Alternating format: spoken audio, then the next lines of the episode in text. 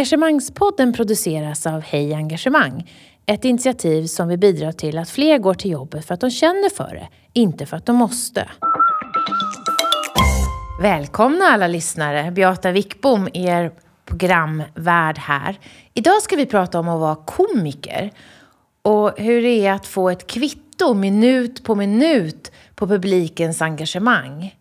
My guest is a British comedian with a deep fascination for Swedish culture and habits. Welcome to our podcast, Al Pitcher. Thank you, thank you. Very deep, actually, very deep. So, my first question to our guests is usually what's, uh, what's on your agenda for the moment? What's on top of your agenda? Just to give us an idea, where are you? Trying to create a show for the biggest audiences I've ever played to. Which Like- is? Uh, it's called My Happy Place. It's a new tour and it goes out in autumn, starts in October. And I was always against comedians going into arenas because I think they don't belong there. But now I'm doing an arena. Um, so it's the biggest thing I've ever done. So I'm writing and trying to create the show. What's the difference between being on a small theatre stage compared to being on an arena, say a sports arena with what, 10,000 people in the audience? Or Well, that would be great, yes. Um, Is that what you're I- I- aiming That's for? what I'm aiming for, yeah. What's And- the and- big difference for you? I think it's because you see the whites of the eyes in the front, and people, you when you engage with them down the front, and you say, and they say something, the audience can hear it. Uh, a secret of comedy is that you repeat what they say, so they the audience can get with it. But if you're in front of 10,000 people and you say something and someone down the back shouts out something, you can't stop the show and go, what was that? Pardon? No, va? You know, you have to, it's more of a performance. It's more of a, so you have to have the stuff and then you can mess around. But if you don't have the material, if you don't have the show, you'll be found out. Will you take the kind of live feeling away in a sense because you cannot react to the audience? Is that what you're saying? I'm trying to find a way to do it. Um, I think it's still possible. It's like that thing of being told, this is what we do. We do this in arenas, you, so this is how you play it. And there's a feeling in my head that goes, "Oh, do you know what? With technology, surely we can do something. So I'm investigating the, on my last tour, uh, which you didn't see in the live show on TV, um, I had a live camera. So I could take it up to an audience member and they would come up on the screen. And Swedish people did not react so great to that. It was like, oh, I didn't pay for this. Just But- wait till you come to Finland, then they would leave if you do that. but they um, they were absolutely yeah. It was a very interactive part, and and I want that. I that is my that's my comedy. Comedy for me is being that person's best friend down at the pub, you know, or in the cafe having a fika. If you can capture that, if you can get that same feeling that people get, then you're on your way. So, in a way, you're developing relationships on stage with your audience. Absolutely, yeah. And I'm I'm not one that sort of. I do so many shows that I do forget. I do forget shows, but then you have people going, "Do you remember the lady with the the red dress in Vacua or something like that?" And I'm like, "Oh yeah, that was brilliant," you know. So it's about creating moments and then building around those moments. But with a big, big stage, it's yeah, it has to be kind of I wouldn't say bang bang, but it, it's very difficult to to do it. Like last night, I played to a, a show that was seventy people. I'm trying out ideas at the moment, and you only get that seventy people coming back to you. That's all you get. You can't expect a reaction of ten thousand people. So, you know, it's all about learning and building and growing with them. Mm, because everything changes timing and the way you can the way you move on stage your facial expression Absolutely. even if you have a, a- a camera following you and bro- uh, projecting 100%. on the big screen Yeah, and I find sometimes you have to let them. Someone told me sometimes with comedy you have to hear the smiles. Like sometimes they're there and they're just smart and they're loving it. They're having the time of their lives, and I think that's quite that epitomizes a little bit of the Scandinavian way of laughing almost is they can be quiet and then they'll go, "That was the best show I've ever seen," and but you don't hear the noise or you don't hear the laughter. You might see a few shoulders bouncing up and down, but uh, so you you learn to adapt to that. You know, I mean, I've come off shows and I've gone, "That was terrible," and I'm a big, mm, very hard critic on myself. Um, and people were going, "That was great," and I was like, "But they didn't laugh, but they they did." That's you know? a beautiful expression. I need to hear their smiles. oh, isn't it? yeah, it's it's.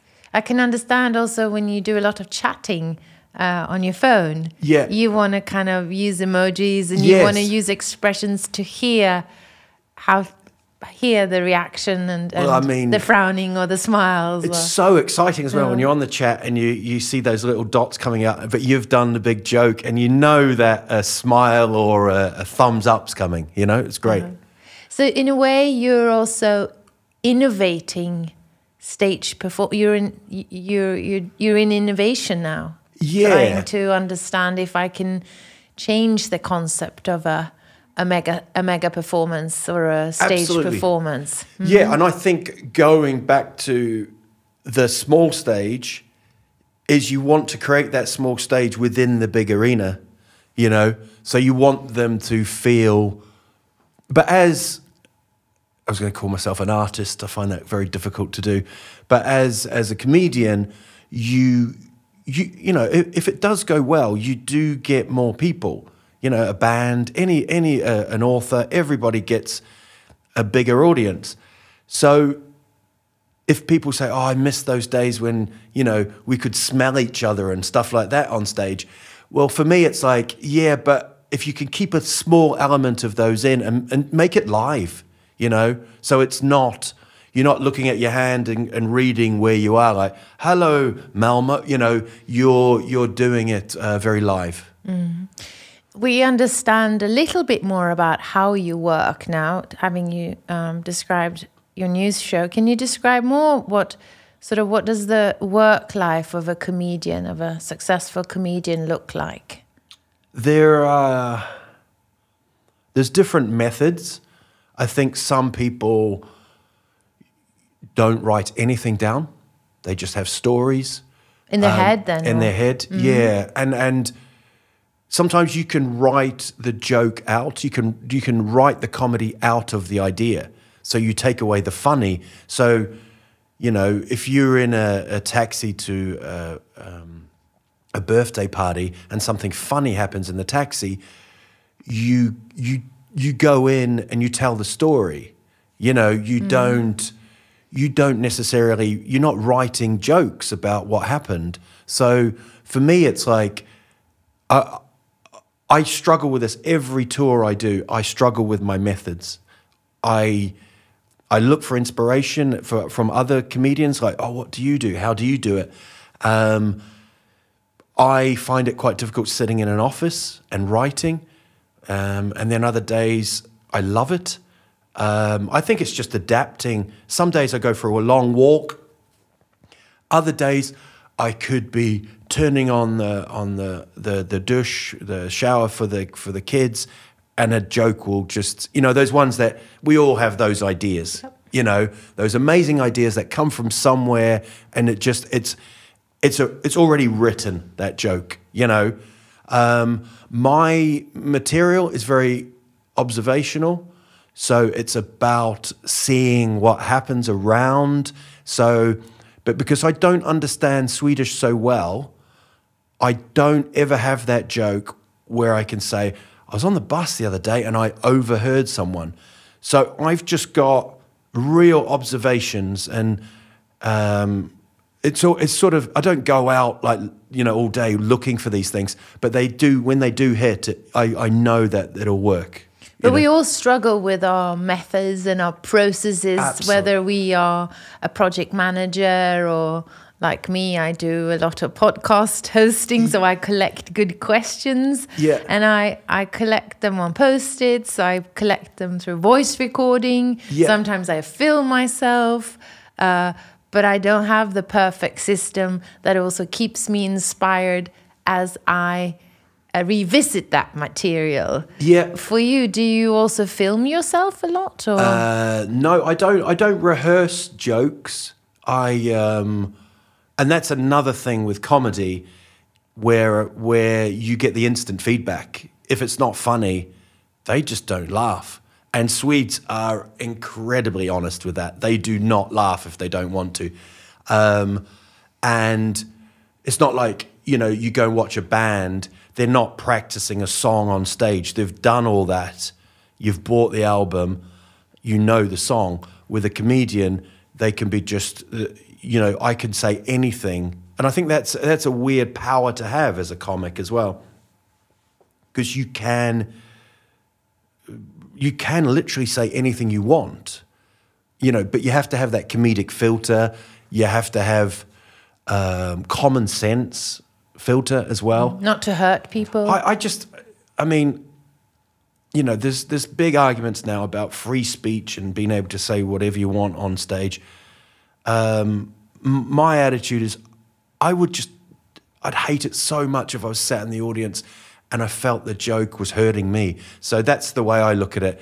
And I honestly do not. Um, I mean, there's sometimes, you know, you could be doing a joke about um, uh, pollen or hay fever, and someone might go, "I struggle with it," and you're like, "Well, I'm just, I am joking," you know. Um, so it's not life threatening. no, no. But I, um, so I, I, I do have different methods and, and trying to observe and trying to, um, you know, I saw a Nick, I saw a Nick Cave exhibition in Melbourne, and he was on about how he writes. Like, there's no point in putting it on a computer because you delete the idea and it takes away all the words. You got to write it by pen, and then you'll see. You could go back and go, "Oh, I, I remember that. I just rubbed that out." So he just puts like one line across. So He wants to see his old process. Yes. Mm. Whereas, so I was very against laptops and that for comedy. I think it should be a little old notebook. And then other times you just go on and you tell stories. And I think there's an adrenaline thing on stage as well. Your brain is, you know, you you you are on stage. You know that there's that moment when you can rehearse something, but there might be something that just pops up and and the right words and everything come out. And uh, so you can't write that. You can't prepare for that. There's no method for that. Although I would say, be very free on stage. Very be very open. You know, um, but I and I'm very willing for an audience member to be funnier than me. I, I, I- I think that's great. I don't go, you know, if you ever come to a show, there's, n- there's absolutely no danger of me, you know, destroying you or joking at you. I'll joke with you. Mm. And if you say something You funny, spark something. Oh, absolutely. Mm. It's, it's a game of tennis, basically, you know, and we've just got to, you, you know, you can't come up and, and throw the ball in my face. You have to hit it back, and I have to hit it back, and hopefully I can put it between my legs and do a, a, a funny tennis shot, and people go, "Ah, that's why he's the on stage," you know? Yeah, Smash. yeah, But now, as you are, um, you're becoming more well known. Uh, you have reached a larger audience. Uh, behind the scene, behind in your preparation and in the management of you as an artist, you do collaborate with others now, don't you?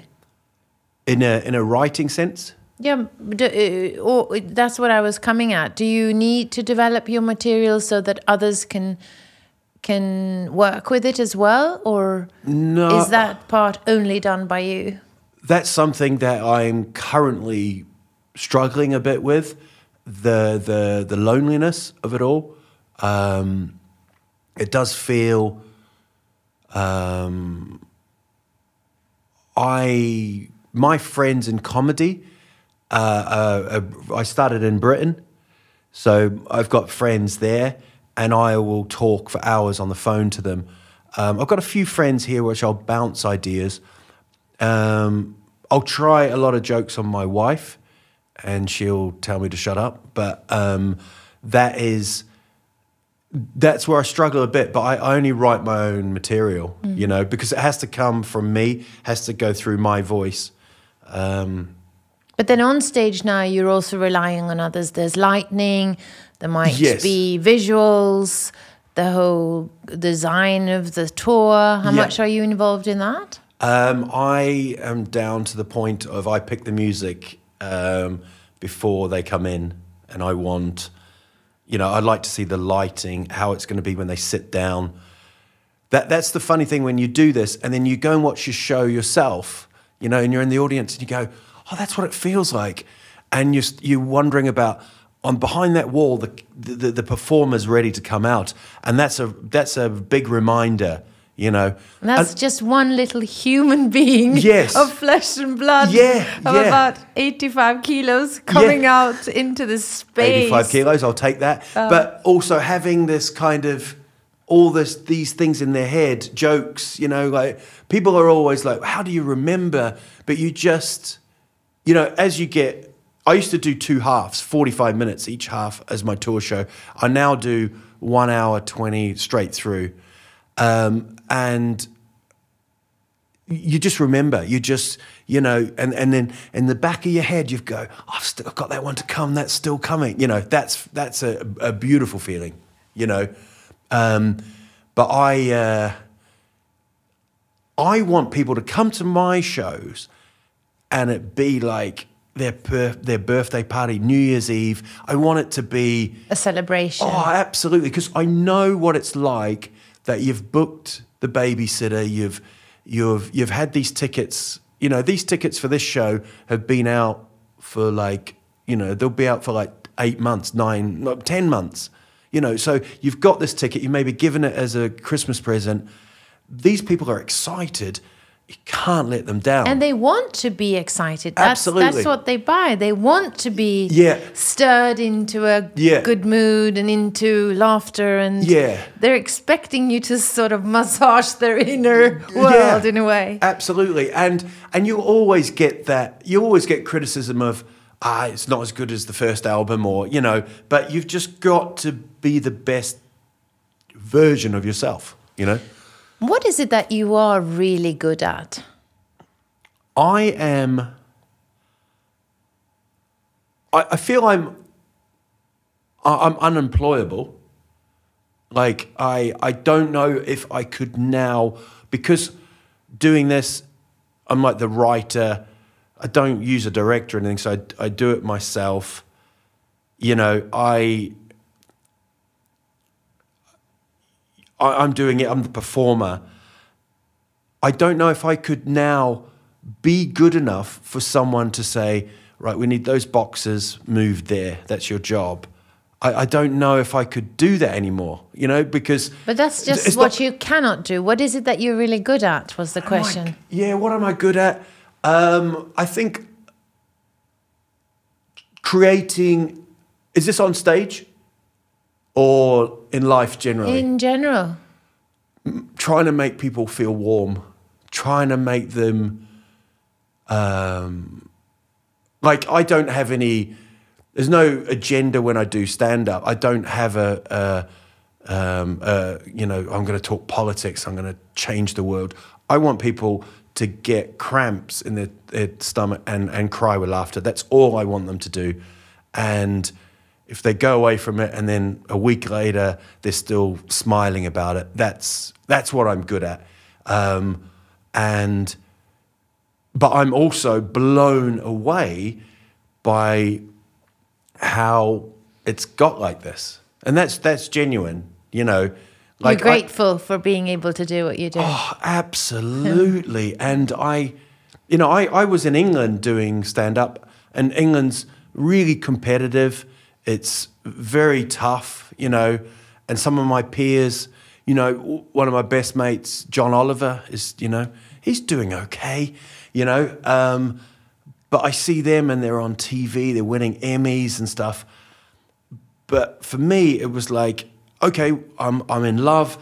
Let's go to Sweden, and it it just I didn't know there was a Swedish comedy scene. It, it wasn't like I was planning. This is what I'll do, and then I'll do a third tour, and then I'll do a TV, and then I'll go to Netflix. It's just fallen into place um, in the same way it did when I first decided to leave my job to do stand up. I was working in Ticketmaster uh, in London. In an office job. In a call center, yeah, for the for the groups department, and uh, and I came back from a, a show in Plymouth. It was like four hour train journey, and the I lost money. It cost fifty pounds for the train, and I was getting paid forty pounds. And I got back, and they did an announcement saying we've got into Paddington early. You can rest in the before the tubes are open or something. The train station, Paddington. Yeah. And uh, then I had to go to work. And I got into work and I just said to my boss, I think I'm going to quit. And what all comedians are told, or what I was told, was wait until you're earning the same amount of money from comedy and for your job, you know? So, and I was, you know, nowhere. But why near- did you want to quit? because I thought if I don't do it now, I'll never do it. In the same way with the arenas now, I feel that the clouds, you know, the clouds have moved and the sun's there. There's going to be an eclipse, you know, everything's going to happen. And I feel that this is the opportunity. Um, and I don't want to be three or four years down the line going, yeah, it was great you know the thing with arenas is you don't sell like you can sell theaters so i've done like i've maybe sold like six equivalent theaters on one of the arenas here but the arena's not sold out so you can't they constantly they're finding seats you know like we've got another thousand there and uh, and you're like okay so for me it was like if, if i if i don't do it now i'll, I'll never do it and uh, So that's an ability you have to Yeah. understand this is a moment I need to seize and I need to be I need to be brave or I and I need to be focused and I need to just go with it now and and try this. Cuz so you're brave in a way. or stupid No. You know you're not stupid. No, I'm not stupid, but like, I think there's always that part of me that thought, if I, it, I can, I could always fall back. You know, I, I, I grew up in New Zealand, so we, we've always got that. It'll be right, mate. You know, it, things, things will sort out. You know, um, and I, but I, I still can't believe the opportunities. I still, you know, in the sense that you do company gigs here, like for businesses, and in, and in the UK, they're terrible gigs because the the the status is the comedian. I've never heard of them, and they're awful. You know, People drink and talk at oh, the same and time. they're going, "You're rubbish, get up," and you can feel terrible. But here in Sweden, it's very different. You know, as as the comedian or you know the the moderator, or, you know, you, you come along and people have respect for you, and they they they go, "Oh, that person's doing that because they're good at their job." So even that, even a small thing like that for me has just, you know, I love doing company gigs. You know, they're a dirty word in the UK. You know, they're, that pays for the mortgage. But here, I actually love it. It's like doing a, a big comedy club, you know? And you said you're good at making people feel good and laugh, just laugh um, until they cramp up. Is that also why you do what you do? Uh, yeah. Um, there's not a lot better feeling than. Well, I mean, you know what it's like. You're you're maybe at a, a party, it's all quiet, and people, and then you tell your story, and everybody is just going, "God, you're you really are funny." That times a hundred, times a thousand, you know, and you you look at someone, you say something, and you you get the eye contact, and they're looking back at you, going, "That was so funny," or they're they're you know holding themselves. Um, yeah, it's it's. So it's when you're on stage, what are you really passionate about? What what are the best moments for you? I think the the moments that are not written will always be funnier than the ones that are written, because they know that they are seeing something that's here now that can never be it can never be repeated. It would never make sense. He, you know, you you can try and tell the story another time. I was doing a show and this happened, but it's never quite the same because it's just It just happens. It's there, you know. Um, they'll always be the best, but I think it's those ones where you know, oh God, I've got this bit, and I can feel that they're laughing at this, so they're gonna, and you just When it works. Oh, when when when it just all comes together, yeah. Um, but also, you know, just I I never. There's a lot of travel. Um, there's a lot of staying in hotel rooms. There's a lot of um, you know solitude with it all. You know, uh, with any kind of I think performance there is, uh, and most a lot of jobs. You know, but the time on stage, you know, and that's why I called the show My Happy Place because I think that is where where it'll, you know, that's where I feel comfortable. That's where I think I'm really good at, you know, like compared to any other comedian.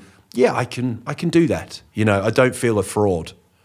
Uh, we've had over 60 guests in our podcast, and I would say that you're probably the guest with the toughest job because there must be a really small percentage of people who are able to work professionally with comedy uh, and develop within the uh, field and get bigger and bigger gigs.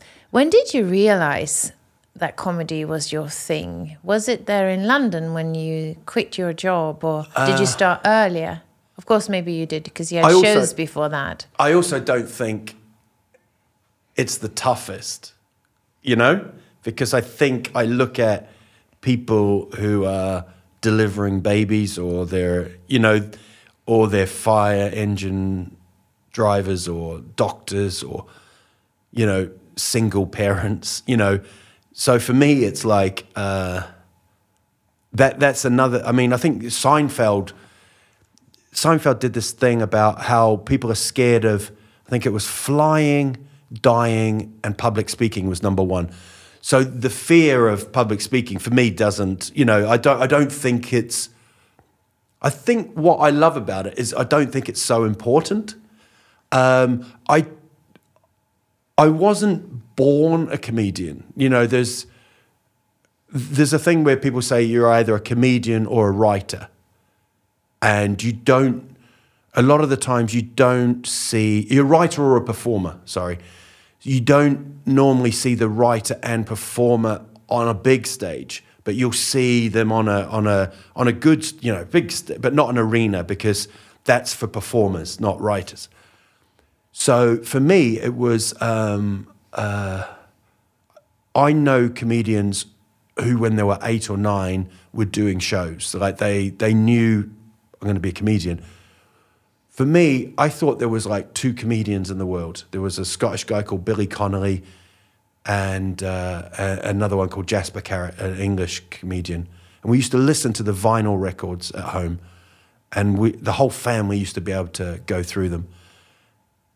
I never ever thought I would do this ever. And you knew them by heart, and and you Yeah, learned their, absolutely, the yeah, timing the and timing, everything. yeah. And then I met him. I met Billy Connolly doing the same festival, and I was nearly crying, like you so know. surreal. You were like listening yes. to the vinyl record in Yeah. New Zealand as a kid. And I remember him. He was asking me questions. You know, when you meet someone who you're just in total. You know, they say don't meet your heroes. I was in total awe of him, and he was like. Uh, yeah, the, the cycling and the Tour de France, New Zealand are doing what, and I did not have a clue. And I was like, yeah, yeah. And I was just panicking and hoping I wouldn't get caught out.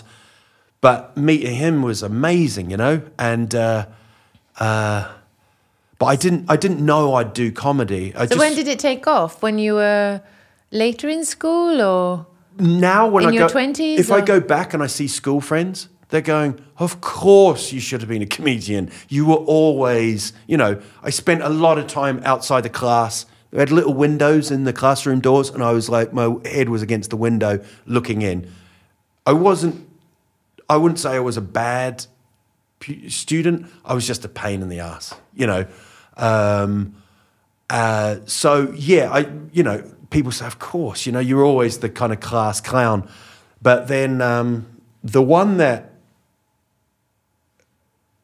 got me was I got I was in London, and a, a guy just took me to. I'd, I'd done a bit of drama and I'd written radio ads, and uh, and a friend took me to an open mic night in London. I didn't even know it existed. Did you have a couple of stories with you, or just went up and improvised? No, I wasn't even. Um, I wasn't Oh, even okay. doing it. And I walked in, and there was like 15 comedians, and they were doing three minutes each, and people were awful, and then people were brilliant. And my mate goes, "Come with me," and we went up to the guy, and he goes, "This guy's going to do comedy. Can you book him in?" Got out a big book. This is how old it was, right? And how long ago it was. Got out the book. Went six months from now, you can you can do a gig. And I was like, I, I don't. He goes, "We're going to do it." So it was my friend that really said I should try it. And then you needed to develop material. Well, I had to write a joke, you know? And I remember the same friend uh, introducing me at a party like a month later going, Oh, this is Ali, he's a comedian. And I'd never done a gig. And I was like, What? You know, no, I haven't, yeah, this is not right. So, um, yeah. And then, and then you, you know, my first show was terrible. It didn't, it didn't go well. There was like a, um, I got one laugh, I think, uh, from putting the microphone back in and it slipped. And someone went, hey, and there was like six people there. Honestly, uh, six people. And I think there was like a dog and just, I just hear the dog go, and it was, it was so literally- sad. and if I look back now, I'm like, that should have been it, mate. That sh- you should have stopped there. But I remember getting that laugh and the whole adrenaline, because I don't drink alcohol, you see. I used to drink when I was like at university. And one time I just said, I'm going to give up. So I gave up drinking. But this was the most, nat- the biggest high I'd ever had, a- apart from love, honestly. I remember walking back to the tube and I was like, I'm also, I was almost like skipping. It was like a movie. Like I was throwing coins to people, you know, like it just, and, and you get on the tube and everyone's doing their own life and you're there and I just want to go, I've just done a gig and a dog growled, you know. Um, and it's still the same feeling sometimes, even when you do an arena and you, you go, thank you, good night. And they all go out. They, this is their big night. And I go back to my hotel room and I watch a TV, you know. And you're normal again. yeah, yeah. Um, so I never had a plan, but it just sort of fell into place. um, what would you have done uh, otherwise if nobody laughed, not even the dog, and you quit? Well, I I was told don't judge yourself until after like 50 gigs, 50 shows, and then decide. I mean, there's still people that are that are on the open mic circuit level who just do it because it's a hobby. But when I did it, I, I was going, I was like jumping into a river and not being able to, I didn't know, no, I didn't think there was um, any money involved or I didn't think there was a career. So for me, it was, wouldn't this be cool to be able to tell someone that I'd done shows? So I remember the first one and then like two or three went okay. And then I had a really good one. And then someone was at the show and said, I've got a club. And then that's how it, it just branches out. But to all our listeners who might have a hobby or an interest that they would like to develop professionally, you just gave us a really good recipe because you had that date when you needed to deliver something. Yeah. You had a friend in a way who held you accountable for actually sticking to the plan. Yeah. And you were fearless. You you you just started. You didn't sit and like dwell too long. You just threw yourself in there. And Yeah. then you started testing basically on these smaller stages and and and, But- and learning what worked and then you started identifying yourself. but testing without knowing what you were testing, you know, like without any, just going, do you know what? I'm going to do this. I'm actually, there's no, and, and even back now, even now when I think, why didn't I just walk away? What was, what was pulling me into that club? Here's another little, the show started at eight o'clock. There was a cemetery like down in the neighborhood. I sat in the cemetery on a park bench from about four o'clock in the afternoon, just going over these jokes. And I'm looking at all these, you know, Graves. graves. I mean, it's, you know, something involved in that in the mind. And I was like, what am I? No, I'm going to do this. And it just, you know, so there was something that said, you've got to at least give it one go, you know. Did your friend's expectation have ha- ha- have anything to do with you not giving up? No, I think I think it was like it wasn't like hey, you know you can't jump. I bet you can't jump off that cliff. It was like I think he saw something and he wanted me to me to do it. You know, and uh, yeah, I, I don't think I thank him enough to be honest.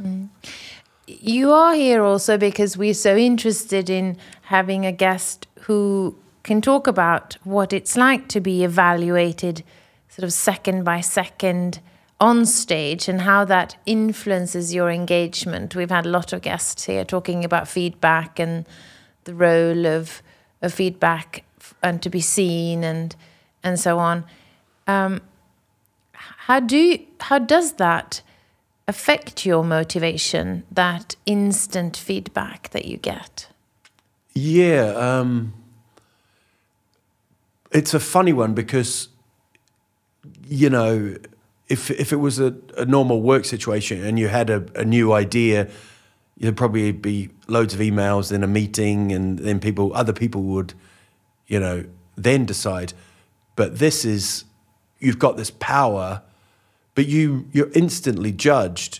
You know, I could I could walk on stage if I had a sore knee and people would go, What's wrong? You know, like you're straight away, people are and that's that's because you're up on a elevated bit of, you know.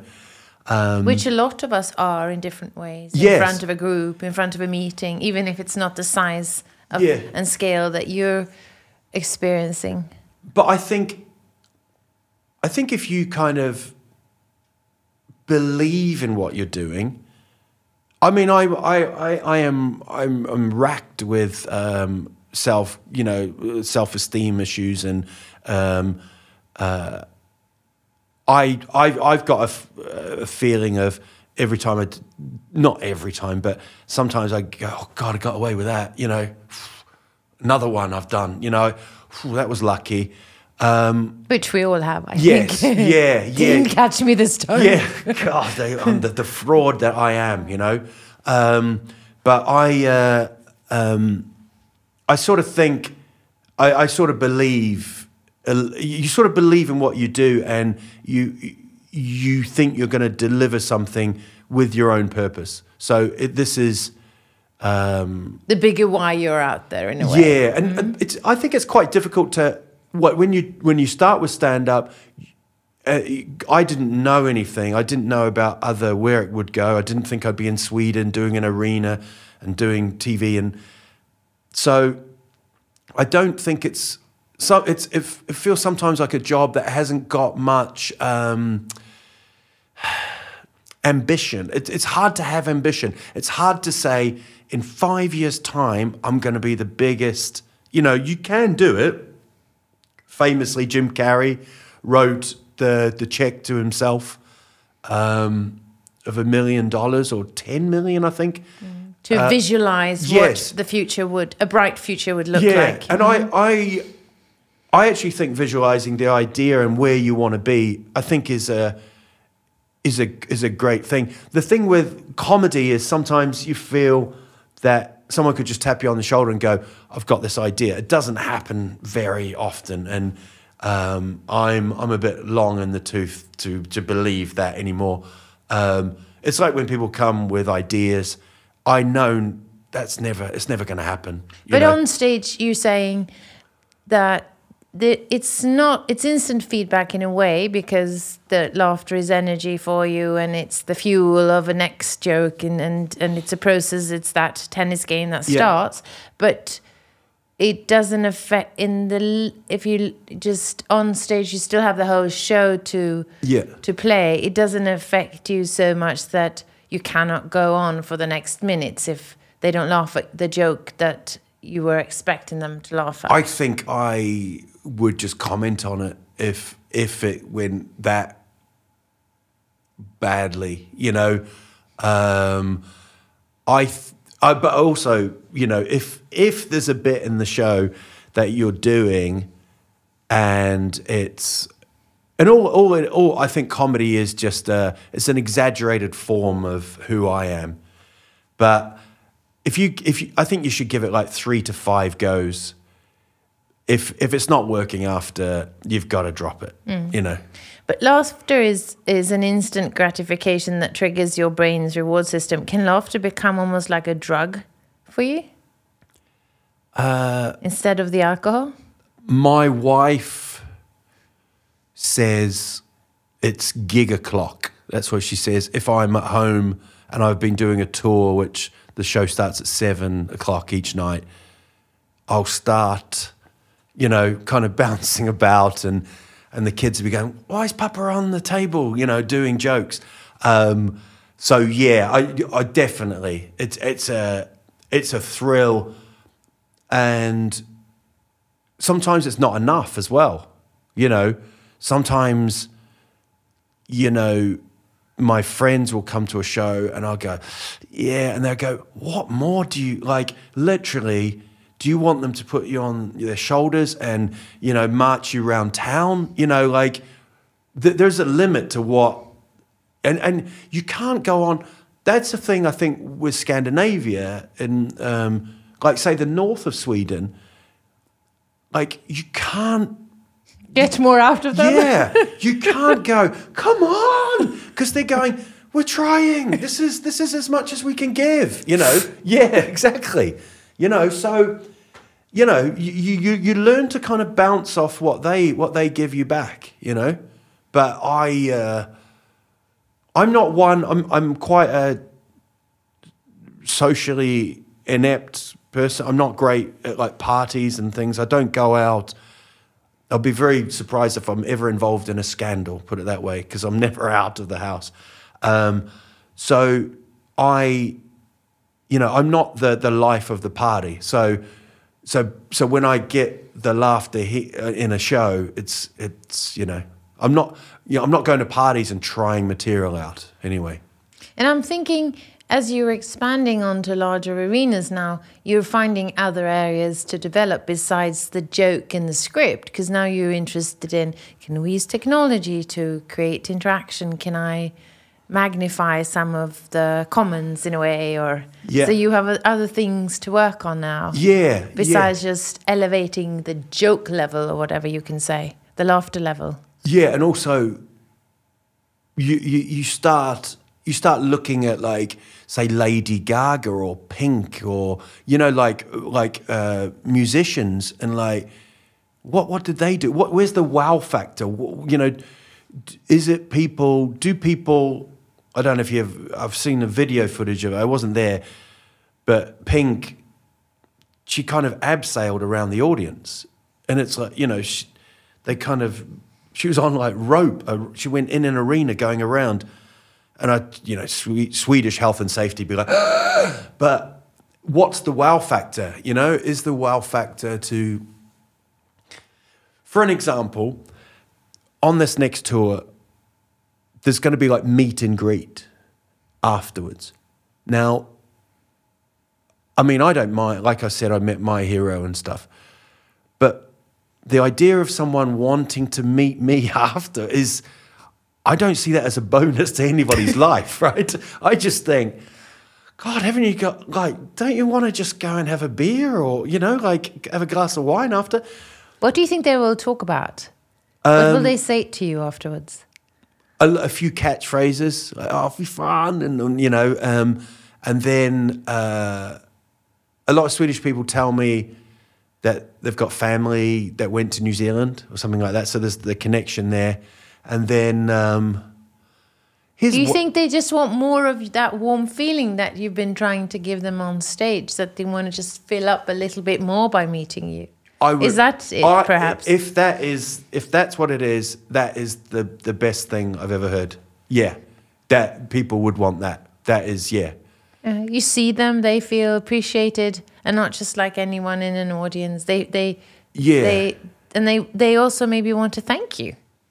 Yeah, and and then also we're in this world of social media, so a photo, mm-hmm. you know, is, you know, is a bonus, I suppose. But um, uh, I mean that that's another thing with mobile phones is, you know, sometimes they're filming the show, and I think comedy is all about surprise. So I don't like it when they do that and they put it on YouTube or anything. Um, but yeah, if, if they want 'em- if they want the gig to be extended in this part, yeah, brilliant. But when you describe your life on stage and and, and dancing on the table and your gig, giga mood or what, what Gig o'clock. gig o'clock like your wife described it.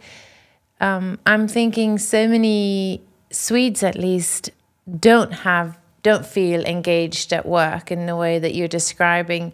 We sometimes refer to a gallup study saying that only 14% of swedes say they have the opportunity to feel engaged at work on, on a single day which is like really really sad number Yeah. and now that you've been here for a while, why do you think so so many Swedes don't like to go to work or don't like their work? Um, I don't think they like, from my experience of a Swede, I'm not so sure they like change so much. I don't think they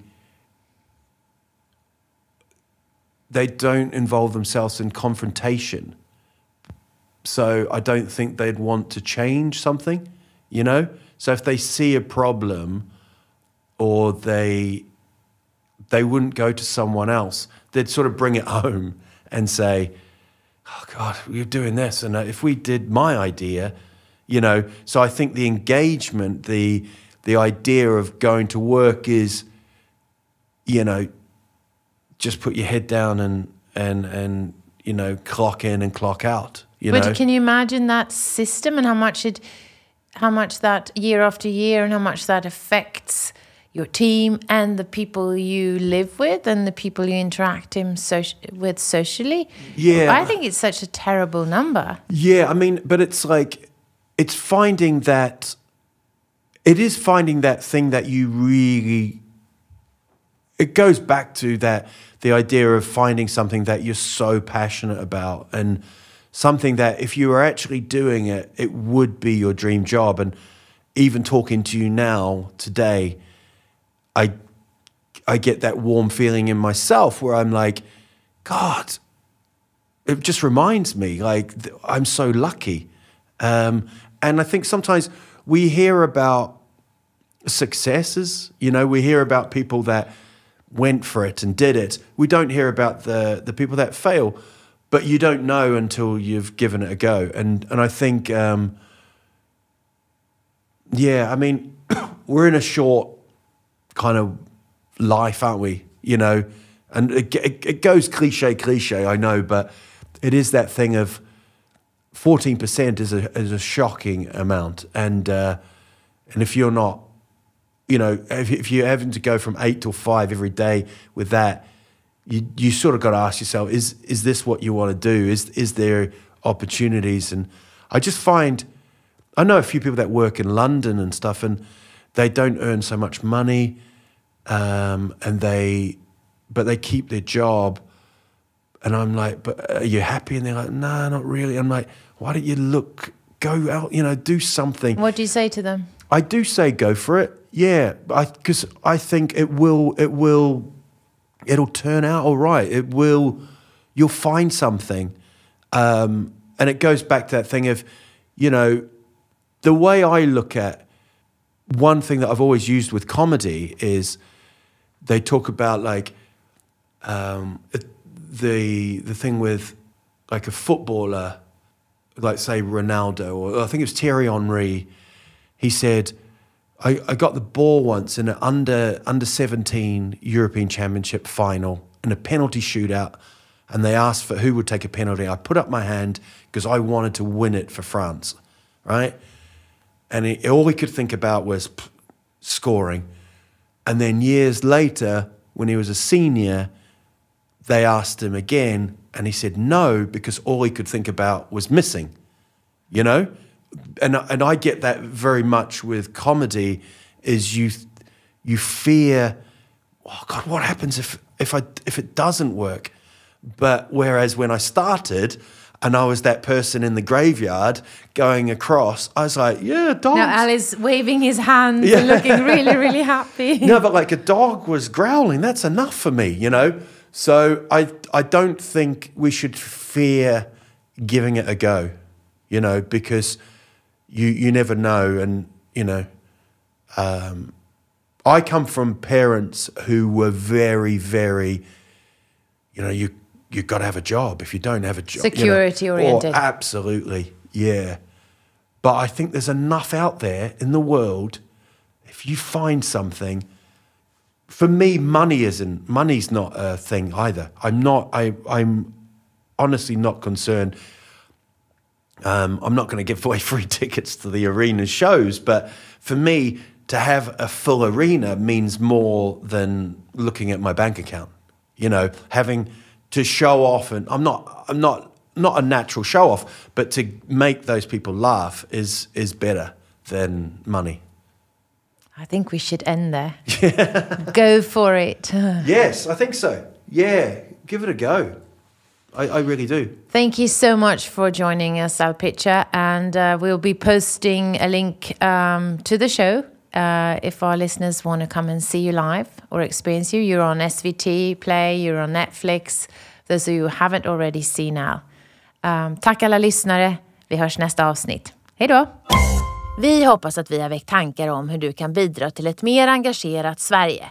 På hejengagemang.se kan du hitta mer inspiration och tips kring hur du som individ, ledare och organisation kan jobba för att skapa ett ökat engagemang, välbefinnande och nya resultat. Tack för att du har lyssnat!